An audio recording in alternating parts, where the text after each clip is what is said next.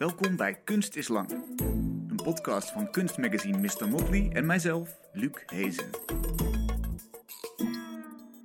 Dag, leuk dat je luistert. Ik praat vandaag met Cecilia Reberg. Ze worstelt met tegenstribbelend materiaal. Ze vouwt grote platen metaal om, dwingt een meterslange rubberen transportband tot een indrukwekkende knoop of laat een lange sliert canvas in verschillende vouwen en plooien over een muur kruipen. Door die chaotische vormen te combineren met geometrische elementen ontstaat er een sculptuur waar spanning in zit. Aan die sculpturen is bovendien tekst toegevoegd, of in ieder geval schrift. Ze zijn vaak beschilderd met de mysterieuze tekens van talen die bijna niemand meer machtig is en doen denken aan hieroglyphen. Zo hebben de werken van Cecilia zowel in vorm als tekst van alles te zeggen, maar moeten wel eerst ontcijferd en ontward worden om ze te begrijpen. Welkom Cecilia, leuk dat je er bent. Hoi, leuk om er te zijn. Jij gaat fysiek een worsteling met het materiaal aan. Aan wat voor worsteling moeten we dan denken? Noem eens wat. Ja, dat kan echt van alles zijn. Soms in het heel klein, gewoon met mezelf. Uh, een staalplaat in mijn atelier waar je dan even een knietje in zet. En op een gegeven moment heeft hij een soort ja, knakmoment. Hmm. En van de, daaruit ga je verder worstelen ermee. Ja. Dus dat is dan uh, en privé, zeg maar. En soms met een heel team mensen erbij. Een cameraman en een soort performance wordt het dan. Ja, dat is ontzettend duwen, trekken, zweten. Vaak ook buiten, want ja, je hebt een hoop ruimte nodig. Heftrucks erbij. Um, ja, je kan het zo groot maken als je maar wil. En dat, dat doe ik dan graag. Wat voor materiaal hebben we het dan over? Noem eens een voorbeeld van zo'n grote. Uh, dat is dan rubber. Um, dat zijn dan oude transportbanden. Dus ja, stel je voor een gipsplatenfabriek. Die heeft een 400 meter lange transportband nodig om die gipsplaten van de ene plek naar de andere plek te brengen. Hmm. En vanwege de functie van die materialen heeft dat dan een ribbel of een nylonweefsel aan één kant. Ja, dat is vrij zwaar materiaal, maar het kan heel veel hebben. Dus je kan er echt goed op ja, losgaan. Waarom is dat eigenlijk? Waarom wil je die worsteling? Ja, het heeft, het, je kan er um, de impact van die fysieke actie, dat is een heel vluchtig en kortdurend iets.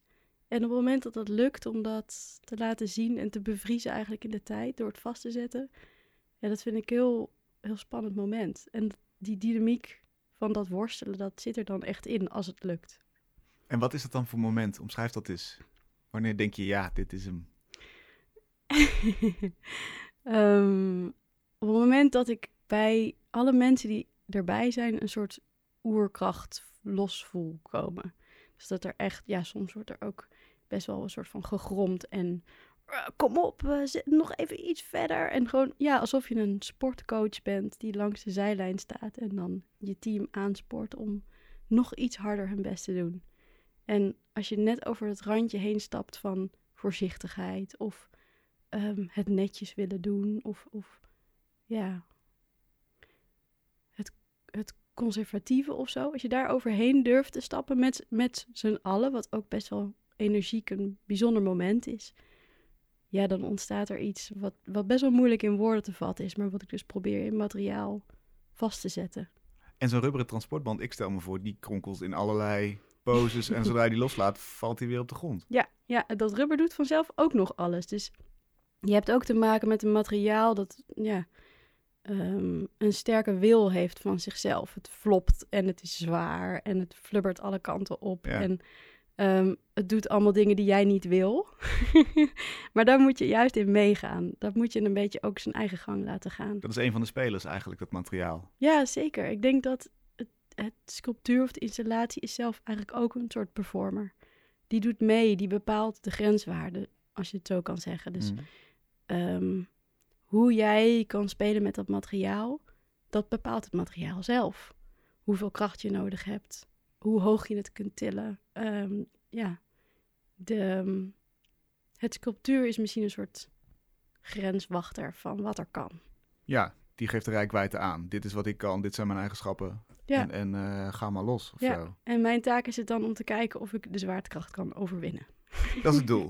ja. Dat is de bescheiden taak die je zelf hebt gesteld. Ja, dat, zet ik, dat zeg ik dan tegen mezelf in mijn hoofd. Oké, Cecilia, wat zou je doen als de zwaartekracht niet bestond? Nou, dan probeer ik dat. Schets het eens. Wat, wat, wat bestaat er dan voor sculptuur? Ehm, nou, meestal probeer ik ehm, mensen die meedoen dan eh, te vragen of ze het omhoog willen gooien, bijvoorbeeld. Wat heel moeilijk is. En dan blijft het ergens steken. Je krijgt allemaal hele rare kreukels, wervels, wobbelingen, eh, knopen. Ehm, ja, met, met die rubberen band bijvoorbeeld uh, maakten we een soort van stapel. En daar reek ik dan in met heftruck. En dan tilde ik dat een stukje op. En dan duwden we het weer van de lepels af. En als je dat herhaaldelijk doet, dan ja, krijg je een soort knoop. Ehm, en van daaruit werkend kan je bepaalde accenten aanbrengen in de compositie. Want dan moet het eigenlijk wel een kunstwerk uitrollen. Ja. En ehm, als je alleen maar speelt, dan uh, ja, wordt het een soort van kluwe die ook, ja, hoe zeg je dat?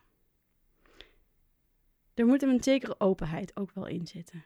Ruimte, lucht, om er naar te kunnen kijken. Anders word je helemaal dol.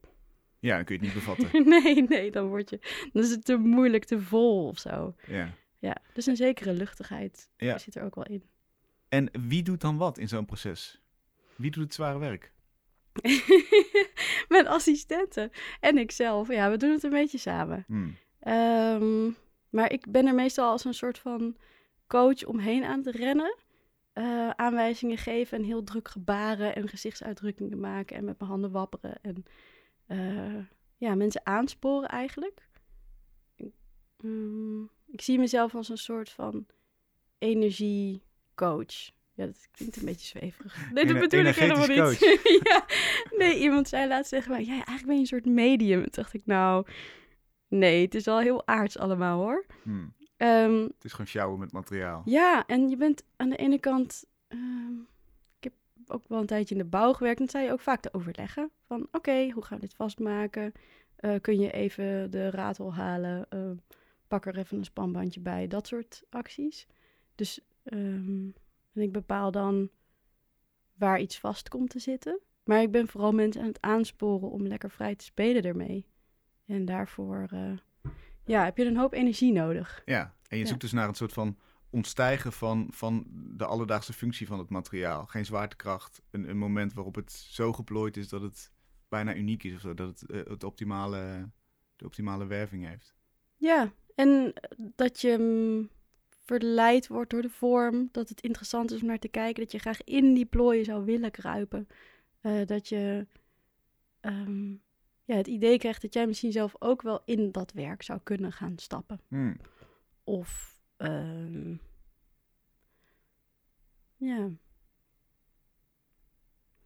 het moet uitnodigen.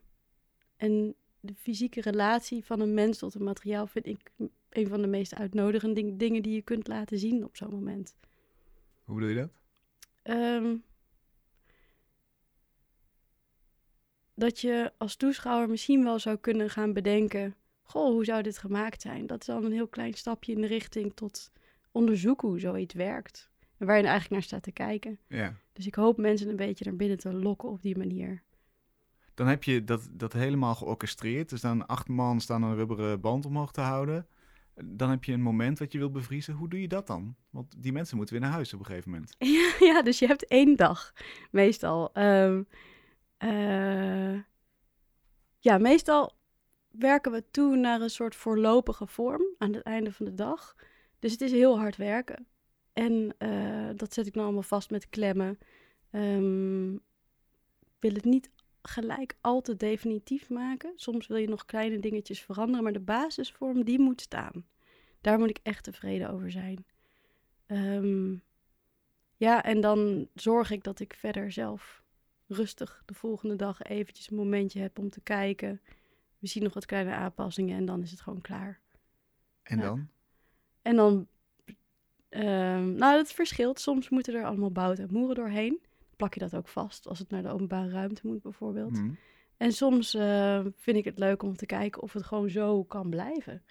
Dus stel je, een niet al te oud rubberwerk, dat was gewoon in elkaar gegooid en getrokken en gedouwd. En die knoop die bleef gewoon zo zitten voor de duur van de tentoonstelling. Oh ja, die is dan op locatie, is hij gemaakt. Ja. En voor daar is hij dan goed. Ja. En daarna wordt het weer een rubberband. Ja, dus je kan iedere keer weer voor de nieuwe context weer een nieuwe sculptuur ermee maken. En dat is natuurlijk heel gaaf, want aan het einde van de rit heb ik misschien wel tien versies van één werk in verschillende te- ja, tentoonstellingscontexten. En eh, ja, ik hoop dan over een aantal jaar dat ik dan de beste eruit zou kunnen halen of zo. Ja. Op een gegeven moment ben jij er schrift op gaan schilderen. Tekens eigenlijk, die, je- die uit, uit oude talen, van ver weg, dichtbij misschien. Alle talen uit de wereld was jouw doel. Wil ik gaan verzamelen voor één werk. Ja. Waarom, waarom moest er schrift op komen? Waarom waren ze niet als sculptuur al sterk genoeg? Ehm, nou, dat gaat eigenlijk best wel lang terug naar 2016 of zo. Ik was ehm, toen ook al lekker aan het worstelen met allemaal materialen. Ik had eh, in een opwelling allemaal plastic glijbanen opgehaald van Marktplaats. En eh, ja, eerst een eh RVS'en, die vond ik heel mooi. En nou ja, een RVS glijbaan mollen, dat is super moeilijk. Want dat is natuurlijk gemaakt om voor altijd heel te blijven. Met Ja. allemaal, laat maar ergens 40 kinderen op los. en dan ja, moet het heel blijven, zo'n glijbaan. Dus daar kwam uiteindelijk een, eerst een heftruck eh, aan te pas en dat, dat werkte niet. Die was niet sterk genoeg. Toen had er nog iemand een bulldozer eh, staan. Ook dat lukte niet. En uiteindelijk met een graafmachine en half ingegraven kon die glijbaan dan tot een soort van banaan eh, gebogen worden. Ehm, dat vond ik heel leuk. Leuk om te doen. Ja. En vooral ja, gaf het een soort hint van wat ik misschien wel wilde.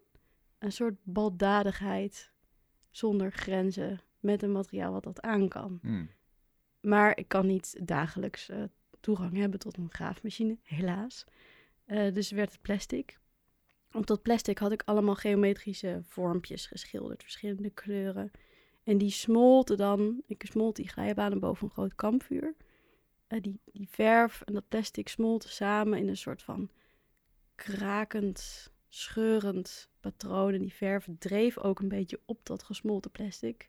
Heel gaaf, echt fantastisch. En Ehm, met ook weer met allemaal mensen erbij en attributen en water en stoom hebben we daar staan worstelen met die glijbanen. Ja, werk waar ik achteraf echt nog steeds met super veel plezier en tevredenheid aan terugdenk. Maar die streepjes, man, ik heb me zo lang afgevraagd, Cecilia, wat heb jij met streepjes dan? Wat betekenen die streepjes voor je? Nou ja, uiteindelijk helemaal niets. Maar je hebt ze er wel opgeschilderd. Ja, ehm, Waarom ik- dan? ja, ehm, nou ja, stel je een rechte lijn voor en je gaat eh, kreukelen. Die rechte lijn wordt een gebogen lijn. En die, die neemt jou mee, je oog, in die kreukels. Waardoor je helemaal meegeleid wordt door de vormen van zo'n werk. Daar is het supergoed en effectief voor. Een accent. Een accent en een, een eh, ja, leider voor je oog, eigenlijk, voor je blik. Hmm. Ehm, maar ik miste, ik miste betekenis, letterlijk en figuurlijk, eigenlijk. Het voelde alsof ik alleen maar brani aan het uiten was. En, en verder, ja, ben ik ook wel een beetje een... Dit klinkt een beetje raar, maar ik hoop toch ook een soort intellectueel handvat te bieden voor mezelf en voor andere mensen. Dus op een of andere manier dook ik in taal en schrift als drager van betekenis en inhoud. Wat precies het tegenovergestelde is eigenlijk de andere kant van het spectrum. Super zware materialen, heel aards, fysiek. En dan iets abstracts als een aantal tekens waaraan gedachten vastgeklonken zijn eigenlijk. Ja, heel Totaal anders. studieus, hoofdelijk, Ja. eh, denkend. Tegenover inderdaad fysiek en gewoon proberen en eh, beuken en kapot maken. Die, die twee tegenovergestelde misschien wel. Ja, dat, zit in, dat is een rode draad door alles wat ik doe eigenlijk. Ehm, als die twee botsen of samengaan, ja, geweldig. Dat- Ja, want wat gebeurt er dan inderdaad? Op een gegeven moment je- ga je die tekens schilderen op dat werk. Wat ontstaat er dan voor spanning wat jou betreft? Mm, een soort spanning die voor mij iets zegt over het zijn van een mens. Dat klinkt heel groot, maar ehm, aan de ene kant word je geleerd om na te denken over de dingen, om proberen de wereld om je heen te begrijpen via woorden, via tekst, via je hoofd, ehm, via conventies die je aangeleerd hebt, ehm, vaste patronen. En aan de andere kant is eigenlijk alles één dikke chaos. En kan je het misschien helemaal niet begrijpen. En in de meeste gevallen denk ik, ja, heeft het helemaal geen zin om te proberen dat te begrijpen. Maar toch doe je dat. Dus dat heen en weer springen tussen die twee ja, dingen die je kan. Ehm, ja, voor mij zegt dat iets over mezelf, over het zijn van een mens. Dat is gewoon Over een het metafoor voor het leven eigenlijk. Ja, en, en soms voelt dat een beetje groot hoor. Dat ik denk, jeetje, Cecilia, wat een, eh, wat een denkbeelden allemaal. Maar aan de andere kant, ja, dat is wel waar ik, waar ik op die manier over na wil denken. En is dat dan, ben je er ook op die manier mee bezig? Als je dus bijvoorbeeld zo- zo'n zo'n rubberen band aan het beschilderen bent of zo? Ben je dan bezig met de tegenstelling of met, met al die, eh, met die denkbeelden? Ja, en ik ben vooral dan bezig met de balans tussen die twee. Dus de een, het, het denken moet niet de overhand krijgen. Op het moment dat ik eh, ehm, alleen die tekens presenteer op een paneel en ik kijk daarnaar, dan denk ik: oké, dit is gestructureerd. Maar het mist ook die fysieke kracht. Iets wat daar tegenover staat. Dus dat moet voor mij altijd wel gecombineerd worden. Al is dat niet altijd in één werk per se. Maar je kan het ook zien in een tentoonstellingscontext. Bijvoorbeeld dat je één heel ja, ehm, net werk hebt. Mooie panelen aan de wand met al die teksten los bijvoorbeeld. En aan de andere kant gewoon één super woest beukwerk. Ehm, en die twee zijn, houden elkaar in balans eigenlijk. Ja. Je zei net, het leert mij ook iets over mezelf, om er op die manier naar te kijken. Wat, wat leert het je over jezelf, over je eigen leven? Mm. Nou ja, aan de ene kant ben ik iemand die best wel graag studeert. Dus ik vind het heel interessant om echt een jaar ergens in te duiken. Om alles erover te lezen en om bibliothecaris te gaan opzoeken die er heel veel over weten. En super diep ehm, gravend in één onderwerp te duiken. Ik, ja, met plezier ga ik een aantal maanden dat dan doen. En aan de andere kant hou ik heel erg van ehm, materialen en een soort van denken met je handen. Dus hoe voelt iets ehm, als je met je vingertoppen zou kunnen denken, om het maar zo te zeggen. Ehm, de textuur, hoe ruikt het? Dus al zintuigen, die hebben heel veel behoeftes eigenlijk om mee te doen. En eh, ik hou erg van bewegen en ik hou ervan de energie die er vrijkomt als je een spel doet, eh, een sport doet. Ehm, dat wat vrijkomt op zo'n moment is een heel ander soort energie. En die twee, die, ja, die worstelen eigenlijk in mij ook een beetje met elkaar. Hmm. Ja. ja, ik denk het wel. Ja. Dus misschien is het wel een soort van eh, een soort zelfportretten in rubber. Ja, in rubber of in staal of, of, of in, in, in dode talen. Want het zijn vooral dode talen, geloof ik, hè, die in schrift daar belanden.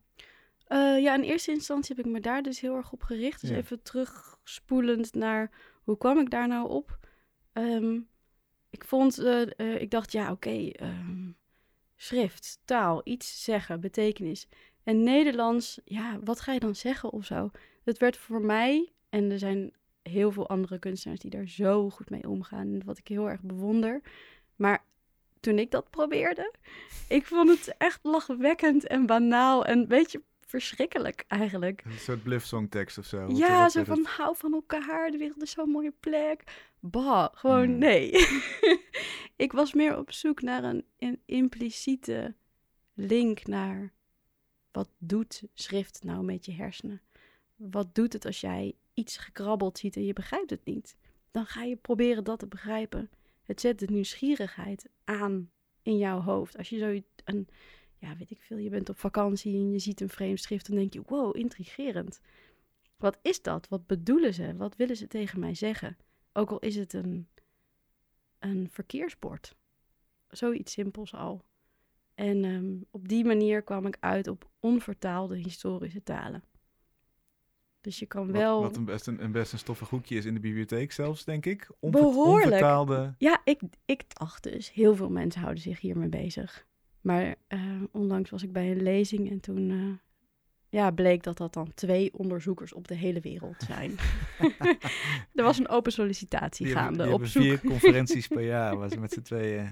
Ja, waar inderdaad zitten. twee mensen daar helemaal bovenop zitten. En je hebt populairdere en minder populaire. Ehm, ik heb uiteindelijk eh, volgens mij een van de iets populairdere te pakken gekregen. Dat was lineair A. Ehm, ooit op eh Grieks eiland is er wat bronmateriaal gevonden.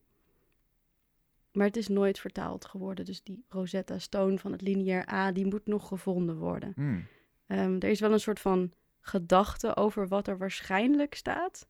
Maar precies daarvoor moet echt meer bronmateriaal gevonden worden. En, En, wat, dat wat is, is, gewoon het? Omschrijf gevonden. eens. Hoe ziet het eruit? Het is een hele mooie. ehm, Het zit heel mooi op het randje tussen echt abstracte tekens. Dus ja, een combinatie van streepjes en rondingen. Hmm. En een beetje pictogramachtig. Dus eh, Dat je er nog figuren in herkent. ja, en dat helpt natuurlijk ook heel erg bij je fantasie. Dus Ja. je denkt, oh, ik zie hier toch echt een ossekopje in. Zou dat het betekenen? Dus ik voelde mezelf echt als een soort van ontdekkingsreiziger. Terwijl ik daar aan het induiken was. Ehm, nou, daar heb ik eh, vijf jaar lang ben ik daar lekker op gaan eh, nerden. Heerlijk. Eh, En er zijn heel veel verschillende sculpturen uitgekomen, installaties. Ook een soort ja, schilderij, wandwerken. Ehm, op een gegeven moment kwam er een openbare opdracht voorbij. Daar heb ik heel lang al wandelend over nagedacht. En kwam tot de conclusie dat Lidier A voor mij en dus twee andere mensen op de wereld super interessant is. En heel veel mensen vinden dat leuk. Maar je hebt ook een openbare context. Een stationsgebied. Wat voor iedereen is eigenlijk. Ja, Waar achter heel de veel- Hoog Katerijnen in Utrecht Ja, ja. staat Script of the City. Dat is een, een groot werk van jou. Inderdaad, een- zo'n industriële rubberband, hè, die vorm houdt door een soort metershoge cirkel en, en daar omheen plooit. Ook daar staan al die tekens weer op. Maar in dit geval niet lineair A. Die Hmm. komt er wel op voor natuurlijk. Ehm, maar ik besloot dat het beter was om gewoon alle schriften van de wereld daarin te representeren. Ehm, dat zijn er best wel veel. En van sommige schriftgroepen heb je er dan weer ehm, ja, 25 die heel erg op elkaar lijken. Die allemaal bijvoorbeeld uit hetzelfde land ook nog komen. Dus ik moest een beetje selecteren. Daar heb ik er dan bijvoorbeeld twee van de 25 gekozen. En die heb ik allemaal achter elkaar doorgeschilderd. En waarom wilde je dat doen? Waarom, waar- waarom moesten ze er allemaal op? Eh, ik kon niet kiezen. Waarom moesten ze er allemaal op? Omdat ehm, hoe klein en beperkt lineair A was, als fijne, ja, misschien wel uitprobeeromgeving voor mij, ehm, was het echt tijd voor eh, de trechter weer helemaal opengooien. En ik wilde heel graag dat iedereen die daar langs liep zich uitgenodigd zou voelen om daar een kijkje te gaan nemen. En misschien wel iets te herkennen van zichzelf ook. Een soort wereldverhaal in plaats van een heel klein verhaaltje. Hmm. Ehm, en het grappige is dat zo ging dat dan ook. Dus dan krijg je een mailtje van iemand die zegt: Ja, ik, was, ik ben, eh, kom uit India en ik was op vakantie en ik kwam hier langs en ik kon in één keer iets lezen. Hmm. En dat had ik niet verwacht. En dat, dat vinden mensen dan super gaaf. Dat vinden ze echt heel leuk. En ik had helemaal onderschat hoe, hoe leuk mensen dat vinden. En eh nou is het natuurlijk niet per se mijn taak om leuke dingen te maken. Maar het deed me wel wat eigenlijk. Nou, het gaat natuurlijk precies over wat het is om, om mens te zijn. We, we, we verzinnen een, een symbolenreeks en daaraan hangen hele grote ideeën en gedachten. En ineens heb je daar toegang toe. Er klikt iets in elkaar, want jij snapt wat daar staat. Ja. Dat is natuurlijk een magisch proces eigenlijk. Ja, en dat, dat, dat linkt dan in één keer heel direct met mensen hun emotionele wereld. En eh, ook daar werd ik totaal door verrast. Dat Mhm. had ik eigenlijk niet zo door of zo. Eh, maar herkenning en het gevoel hebben dat je ergens ook thuis bent op zo'n anoniem plein als achter het station. ehm, dat doet echt iets met mensen. Ja. Dat had ik niet door. En dat vond ik zo mooi. En dus ook op de emotie, want je zei zo net, die taal die gaat vooral over het hoofd activeren. Het gaat over ratio, over nadenken. Ja, Maar blijkbaar is het, is het dieper dan dat. Het is ook emotie, als zeker. die taal eh, geactiveerd wordt. Ja, zelfs al staat er een, een boodschappenlijstje. Ja, de, ehm, en, maar ja, de taal en schrift als drager van grote ideeën, culturen, eh, eh, poëzie, liefdesbrieven, ik, ik roep maar wat. Dat zit daar allemaal in. Ja. Groot, hè? Poeh. je zei net, ik ben er niet per se voor om, om iets moois te maken. Waar ben je wel voor als kunstenaar? Zie je dat? Ehm, ik denk dat ik. Eh, even, ja, dat is best wel een grote vraag hoor. Ja, ik dacht dat we toch zulke grote thema's aansnijden. Let's go. Ehm, eh, waar ben ik voor? Ik denk dat met de materialen die je combineert en de ideeën die je in zo'n werk stopt en de energie, als je dat scherp genoeg uit weet te voeren, dan kan je een wereld maken. En, en als die wereld dan ook nog een tikje uitnodigend is om, en niet afstotend van blijf hier buiten of zo, ja, dan hoop ik een soort uh, gedachtegang zichtbaar te krijgen in de wereld via materialen. Dat is gewoon mijn manier om denken te delen met anderen. Uh, maar ook, kijk, uh, ik zeg meestal tegen mezelf: als er niemand dit ooit zou zien, als ik de enige zou zijn die dit ooit zichtbaar zou hebben, ben ik er dan blij mee. En uh, dat, dat is heel belangrijk voor mij. Hmm. Dus gisteren bijvoorbeeld in mijn atelier kwamen er eindelijk twee ideeën samen. Ik had heel veel voorbereid en materialen gecoat en gedaan. En dan, dan zweeft dat, dat sculptuur zo lang in je hersenen rond. Dat hoort erbij. Het is onvermijdelijk. Je moet dingen voorbereiden. En als het er dan uitkomt en je ziet het samenkomen. Oh, wat een geweldig moment. Echt te gek. dat het klopt. Dat je denkt: oké, de aandacht gaat naar de juiste onderdelen. Het is. Ja, soms omschrijf ik mijn werk als een soort van rare aliens die op de aarde komen om iets te vertellen, maar je weet eigenlijk niet precies wat. Hmm. Maar, um... en, en, dat weet jij zelf ook niet? Ja. Of weet je het wel? Ja, dat duurt altijd eventjes. Dat je je werk nog even af moet kijken voordat het hups naar de tentoonstelling moet. Uh, moeten we even in gesprek. Ja. Met elkaar. En is er een ontcijfering mogelijk? Weet jij van elk werk van, nou, dit is volgens mij wat het, wat het zegt, wat het doet? Mm, ja, meestal wel. Ja, sommige werken die blijven vaag. Uh, soms duurt het jaren voordat ik eindelijk begrijp waarom ik dat in godesnaam gemaakt heb. Um, en sommige werken die, die blijken te vaag. Ja, dan is het misschien gewoon niet zo goed. dan was je niet scherp genoeg of zo op dat nee, moment, het maakproces. Nee. En soms ook niet eerlijk genoeg naar jezelf. Als, je, als ik echt eerlijk kan zijn en alle praktische bezwaren overboord durf te gooien. En echt het materiaal kies waarvan ik denk, dit moet hierin. Ja, dan kan je scherp zijn. Maar als er toch nog ergens op de achtergrond een bezwaar sluimert. Wat, wat, wat is dat dan bijvoorbeeld voor, voor vals argument wat dan optreedt? Ja, te duur of Oh ja. zo. Of uh, te moeilijk. Of te zwaar. Of um, uh, belachelijk. Of uh, ja, je kan van alles verzinnen. toch paraplu-argument, hè? Belachelijk. kan alles zijn. Ja. Um, of te kitsch. Of te kleurrijk. Je kan van alles verzinnen waarom je iets niet zou doen. Hmm. Maar als je, hoe noem je dat in het Nederlands? Unapologetically kiest. Meedogenloos. Meedogenloos kiest voor wat er in jouw hersenen omhoog komt. Je intuïtie weet het gewoon. Mijn intuïtie, tenminste, die uh, train ik uh, regelmatig. En meestal heeft hij het bij het goede eind. Ja. Wat het een fascinerend vak maakt. Dat je, je je intuïtie moet volgen en dat het ook gaat over je eigen leven. Je zijn het zelfportret in, in rubber of in staal. Het is zo zelfonderzoek gecombineerd met materiaalonderzoek eigenlijk. Ja, dus zeker. je eigen leven vormgeven. Ja.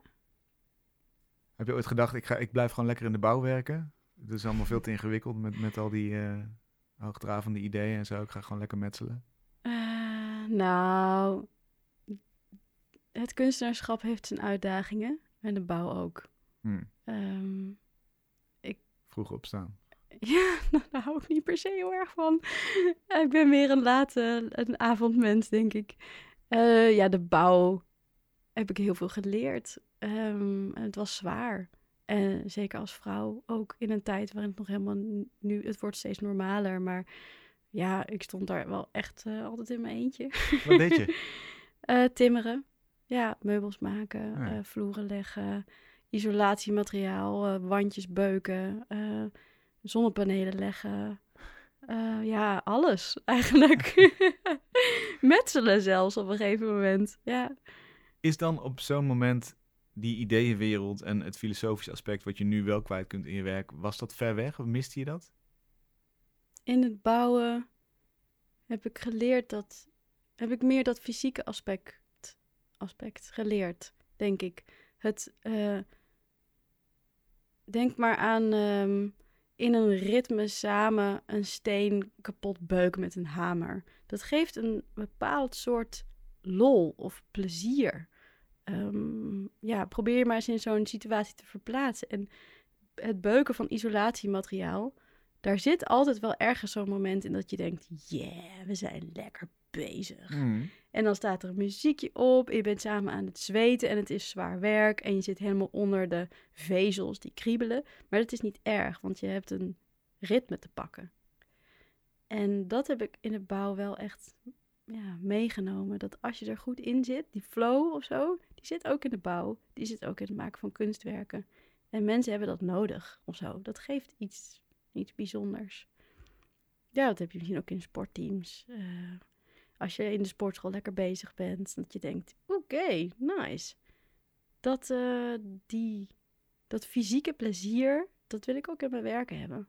Maar toen ik in de bouw werkte en alleen dat had, en ook alle moeilijkheden van die meemaakte, dacht ik wel, oh, ik mis dit. Maar ik werkte in de bouw en ondertussen was ik ook kunstwerk aan het maken. Dus Hmm. het was niet, het was niet dat ik niet kunst kon maken op dat moment.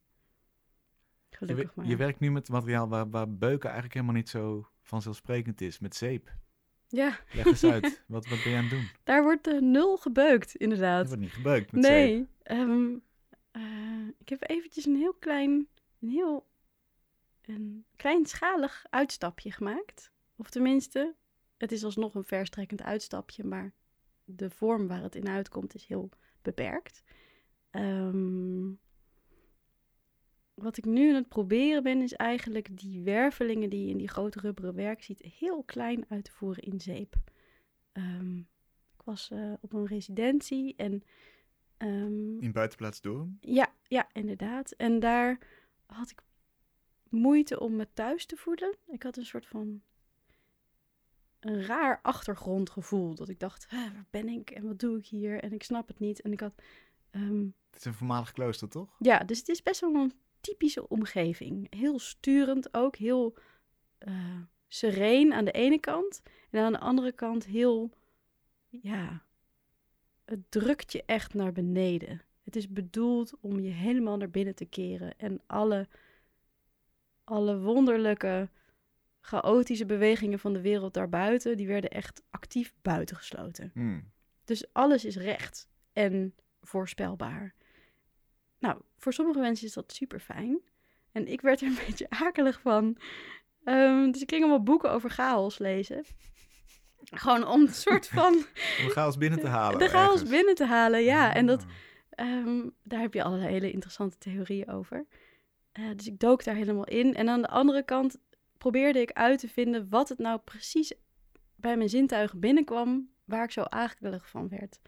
En ik kwam tot de conclusie dat het onder andere de muffe geur was van, ehm, ja, sorry, bejaarde nonnen.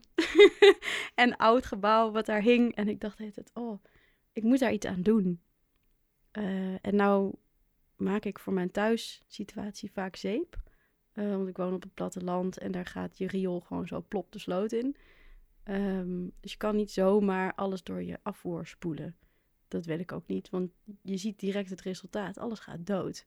Dan hou je een paarse stinkende sloot over met nul leven erin. Dus ik maak alle zeep zelf van planten uit mijn tuin. Wortels graaf ik op en ik verzamel bloemblaadjes. En nou ja, daar kan je ook weer lekker ver in gaan. en in Doornburg heb ik daar om een beetje ja, wortel te schieten. Ook allerlei planten verzameld, daar kleurextracten uitgetrokken en walnootschillen verzameld. En dan krijg je een heel mooi sepia en koolplanten, daar het chlorofiel uitgekookt. En dan krijg je prachtig diep ja, bossig groen.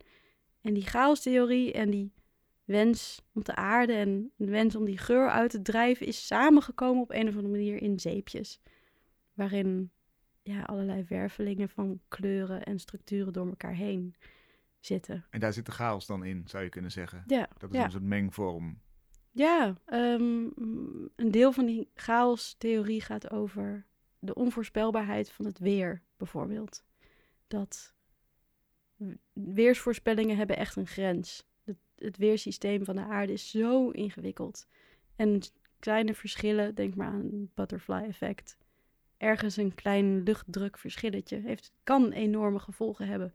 Of niet, weet je niet. Nou ja, daar zit ik nu helemaal middenin. En ik, die wilde, dat wilde ik in die zeepjes verwerken. Hmm. Dus je zou het ook als een soort luchtstromingen of wolkenvormen kunnen zien. Te veel variabelen eigenlijk om een, om een fatsoenlijke berekening te maken. Dus je kunt niet voorspellen. Dat is dan eigenlijk de complexiteit van het weer. Ja. Dus die chaos, eigenlijk weer inderdaad de, de, de chaos die ons omringt. En onze ja, machteloze bijna pogingen om daar een structuur in aan te brengen. Mhm. Ja, daar heb je dus weer dat denken en het conceptualiseren eh, tegenover ja, de chaotischheid van de wereld om ons heen. Proberen daar weer vat op te krijgen, controle misschien ook wel. En het loslaten van die controle, want eh, het gaat niet werken gewoon. Ja. Wat ze daar dus met religie deden voorheen. Mhm. Als, als zijnde een klooster, eh, ook uitgedrukt in die architectuur.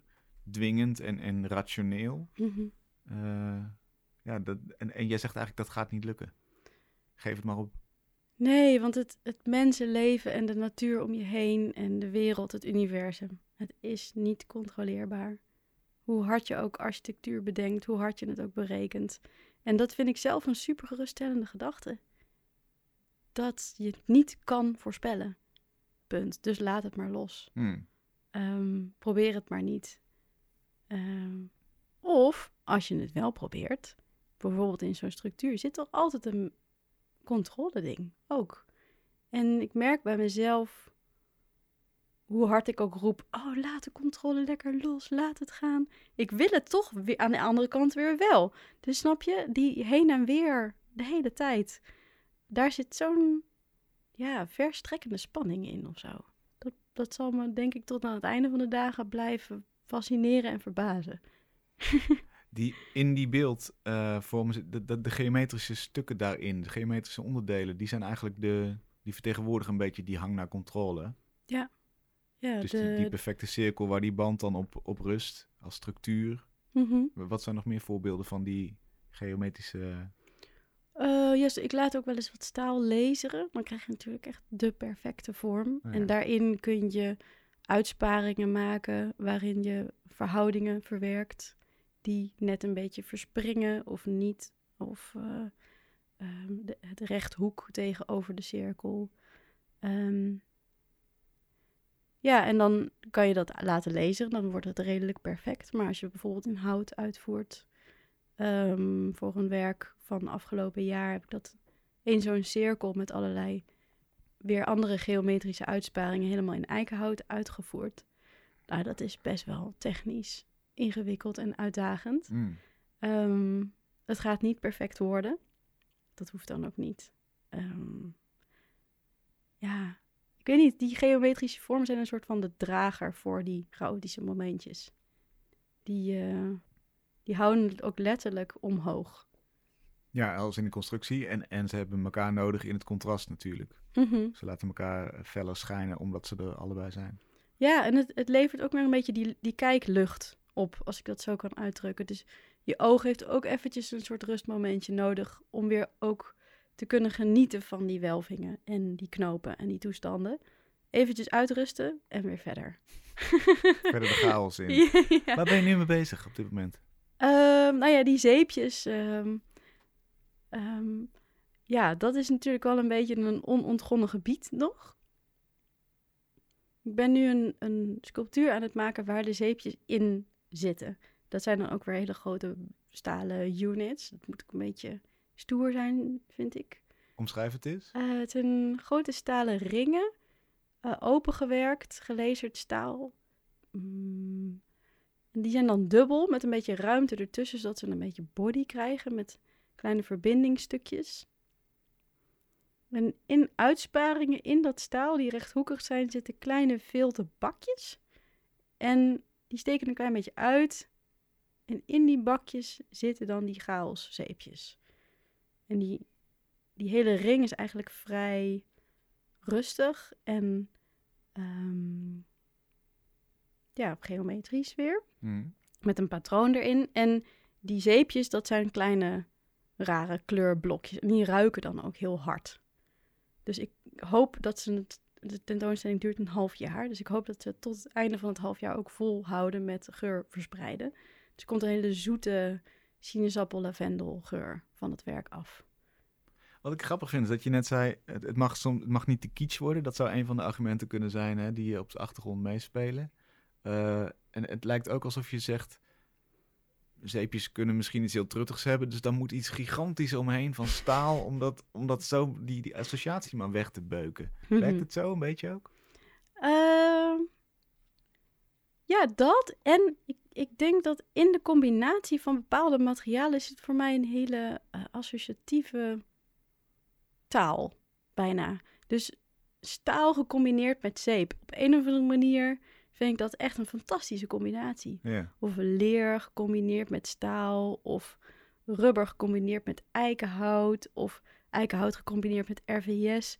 Die materialen tegenover elkaar um, geeft de zeggens, zeg, zeggenschapkracht, is dat een woord? Zeggingskracht. Zeggingskracht, dankjewel. De zeggingskracht van het werk ja, wordt daar echt door verhoogd. Dus alleen een zeepje. Ja, op een of andere manier vind ik dat dan een beetje te weinig.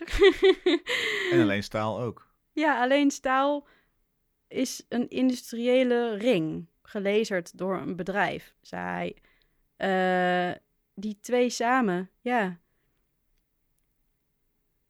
Je zou in het, de, het wielvorm of die cirkel ook een soort beweging kunnen zien. Of een, een voertuig misschien wel wat ergens heen gaat. Of het, het prikkelt de fantasie, die combinatie.